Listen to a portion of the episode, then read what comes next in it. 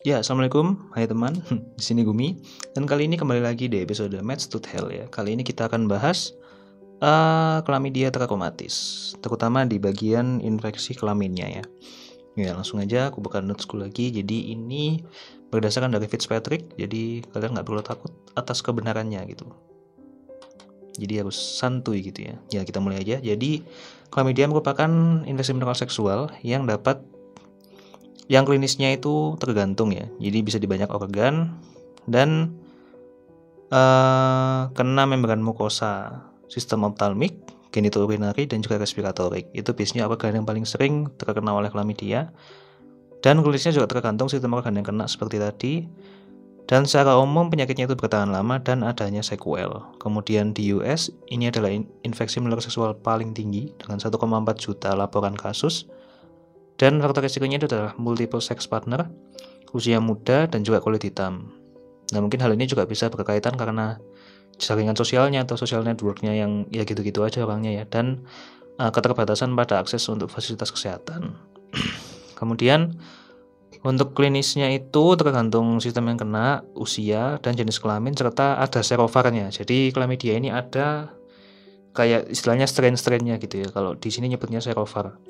Kemudian paling sering itu kena uretritis atau cervicitis. Kemudian pada laki-laki itu uretritis ya, itu gejalanya ada disuria.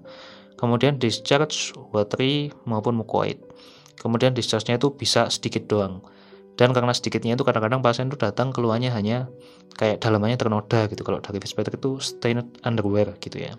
Kemudian discharge-nya itu beda dengan uretritis GO tapi sebenarnya itu banyak clinical banyak manifestasi klinis yang overlap gitu. Jadi mirip-mirip ya. Kemudian uh, discharge dan disuria ini nggak bisa jadi eksklusi dari uh, antara chlamydia maupun GO kemudian dia juga bisa menimbulkan epididymitis maupun proktitis atau infeksi pada inflamasi pada rektum. Dan kemudian uh, Neisseria gonorrhoeae dan juga chlamydia trachomatis itu etiologi paling sering pada, eh, pada epidemi, epidemiologi dengan usia kurang dari 35 tahun. Kemudian kalau uh, epididymitis itu cirinya adalah unilateral pain dan swelling pada testis dengan disuri. Dan kalau proktitis itu kenanya biasanya chlamydia dengan serovar D sampai K. Kemudian di proktitis kalau kena proktitis ya itu ada gejalanya gatal, pruritus, pain, kemudian ada discharge mukopurulen dari rektum. Wow. Dan kemudian proktitis itu kalau chlamydia untungnya cuma sampai rektum aja, nggak ascending naik ke usus dan seterusnya. Kemudian untuk cervicitis itu adanya discharge mucopurulen. Dan mayoritas chlamydia pada wanita sebenarnya asimptomatik. Jika ada disuri pada wanita itu juga bisa berarti nggak hanya cervicitis tapi juga uretritis. Kemudian komplikasi pada wanita terutama itu bisa pelvic inflammatory disease ya. Jadi kombinasi antara bisa inflamasi endometrium, salving, dan juga peritoneum. Dan kemudian biasanya pada PID-nya ada nyeri perut bawah, muntah, kemudian tenderness pada cervix ataupun atexa uteri. Biasanya kita periksa pakai bimanual itu ya. Dan bisa juga silent PID-nya. Kemudian sequel dari PID ini cukup mengerikan ya, ada infertilitas, kehamilan ektopik, kemudian nyeri pelvis yang kronis karena inflamasi dan juga scarring yang ditimbulkan dari PID. Kemudian kalau infeksi pada perinatal itu bisa terkena konjungtivitis dan juga pneumonia. Kemudian kalau kena konjungtiva atau kena matanya ini biasanya namanya optalmia neonatorum ya, karena infeksi dari kanal lahir atau jalan lahir. Dan uh, satu dan biasanya uh, optalmia neonatorum ini baru muncul gejalanya 1 sampai 2 minggu pos lahir. Itu gejalanya adalah adanya discharge oculi purulent dengan eritema pada kelopak mata, dan kalau pneumonia itu biasanya munculnya 8 minggu pos lahir.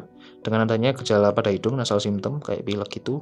Takipneu, batuk staccato. Ini batuk staccato aku cari di Google tuh kayaknya whooping ya maksudnya. Kemudian uh, kalau untuk diagnostiknya bisa, kalau misalkan yang komplikasinya tadi ya, itu bisa kultur dari spesimen nasofaring.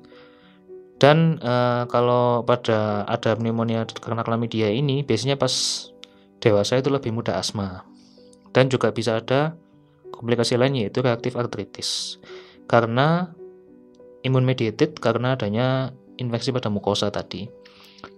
Dan untuk chlamydia trachomatis sendiri ini dia non motil, gram negatif dan bersifat obligat intrasel. Kemudian bentuk infeksiusnya itu dinamakan dengan elementary bodies. Kemudian elementary bodies ini masuk ke kan dia kan obligat intrasel ya, berarti harus masuk ke sel. Itu dia masuk via endositosis dan pada setelah masuk itu dia menjadi badan inklusi atau inclusion bodies. Artinya inclusion bodies itu kayak jubah gitu ya. Karena bodies ini kalau kalian lihat fotonya di Google gitu, dia melingkupi nukleus dari sel hostnya itu biasanya stay di inclusion bodies itu selama 6 sampai 8 jam kemudian berubah jadi reticulate bodies di mana dia bisa mengikuti replikasi dari sel host. Kemudian nanti reticulate bodies ini jadi EB lagi atau elementary bodies lagi untuk bisa lepas dari sel dan menginfeksi sel lain. Kemudian si chlamydia trachomatis sendiri ini terdiri dari 15 serovar dengan presentasi klinis yang berbeda-beda. Jadi kalau serovar A sampai C itu konjungtivitis biasanya, D sampai K itu UTI, atau infeksi urinary tract dan L1 sampai L3 itu biasanya lymphogranuloma venereum. Nah, kalau ada kalian ada misalkan soal-soal tentang LGV gitu atau menemukan pasien dengan LGV, limfonodi inguinal membesar gitu-gitu, kalian bisa curiga untuk chlamydia. Kemudian sel target dari infeksi dari chlamydia trachomatis ini adalah epitel dari endocervix, konjungtiva, uretra, dan juga rektum. Kemudian sel yang terinfeksi ini melepaskan IL-8 dan sitokin lain ya. Biasa neutrofil datang, kemudian disusul limfosit, makrofag, ada sel plasma, eosinofil gitu. Kemudian biasanya kalau parah bisa terjadi scarring dan fibrosis. Kemudian transmisi melalui mukosa oral, anal, dan vagina. Kemudian gejala muncul 1-3 minggu setelahnya. Kemudian sering klamidia ini koinfeksi dengan gonori, dan dapat meningkatkan resiko dari HPV atau Human Papilloma Virus yang menyebabkan kondiloma acuminata dan uh, kultur spesimen endocervix atau uretra itu bisa diagnostik dan selain itu bisa menggunakan NAAT atau Nucleic Acid Amplification Test itu setahu aku kayak semacam PCR gitu tapi ada tambahan-tambahannya gitu nah kemudian konfirmasi laboratorik ini dibutuhin untuk diagnostik, jadi nggak hanya suportif aja. Dan uh, kalau pada klinis dengan UTI itu bisa spesimen uretra atau cervix atau first catch urine kalau menurut Fitzpatrick ya. Di laki-laki maupun perempuan juga bisa. Kemudian paling spesifik labnya itu adalah NAAT tadi. Kemudian diagnostik itu kalau spesimennya di UTI ya, nggak di anal maupun orofaring. Dan NAAT ini kelemahannya adalah pertama, dia nggak bisa bedain serovarnya klamidianya.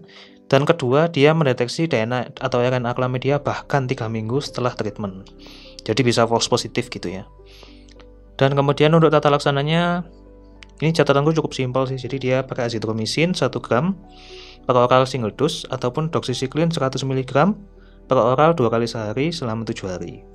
Kemudian azitromisin ini lebih disarankan karena ada pasien karena cuma single dose ya. Kemudian azitromisin ini cure cukup tinggi 97% dan kalau gejala terus ada atau resiko infeksi dapat dilakukan tes ulangan. Nah, tes ulangan ini dilakukan paling tidak 3 minggu pos tata laksana karena NAAT bakal mendeteksi kalau sebelum 3 minggu pos tata laksana bisa false positif gitu ya. Nah kemudian tes rutin ini nggak, kalau tes rutin ya nggak direkomendasikan kecuali leukovedrens dari pasien ataupun hamil. Kalau mau tes itu tes pasca tata laksana ya bisa direkomendasikan tuh tiga bulan atau satu tahun post tata laksana. Kemudian kalau ada rekurensi infeksi itu biasanya karena reinfeksi bukan karena gagal tata laksana. Dan untuk edukasinya itu uh, tidak melakukan hubungan seksual sampai kedua pasangan itu dites dan juga ditata laksana dan uh, harus dites juga untuk gonori, HIV, dan juga sifilis. Kemudian terakhir untuk dari CDC rekomendasinya itu adalah adanya screening tahunan pada wanita yang seksual aktif kurang dari 25 tahun usianya dan pada wanita dengan faktor resiko di atas tadi ya. Jadi ada uh, multiple sexual partner usia muda dan juga kulit hitam. Dan juga pada selain itu rekomendasi CDC untuk tes tahunan juga pada LSL atau gay ya. Oh gitu aja datanya dikit. Ya jadi uh, untuk Lamidia ini karena dia bagian dari apa namanya kalau di Facebook ini bagian dari IMS ya. Jadi babnya cuma sedikit.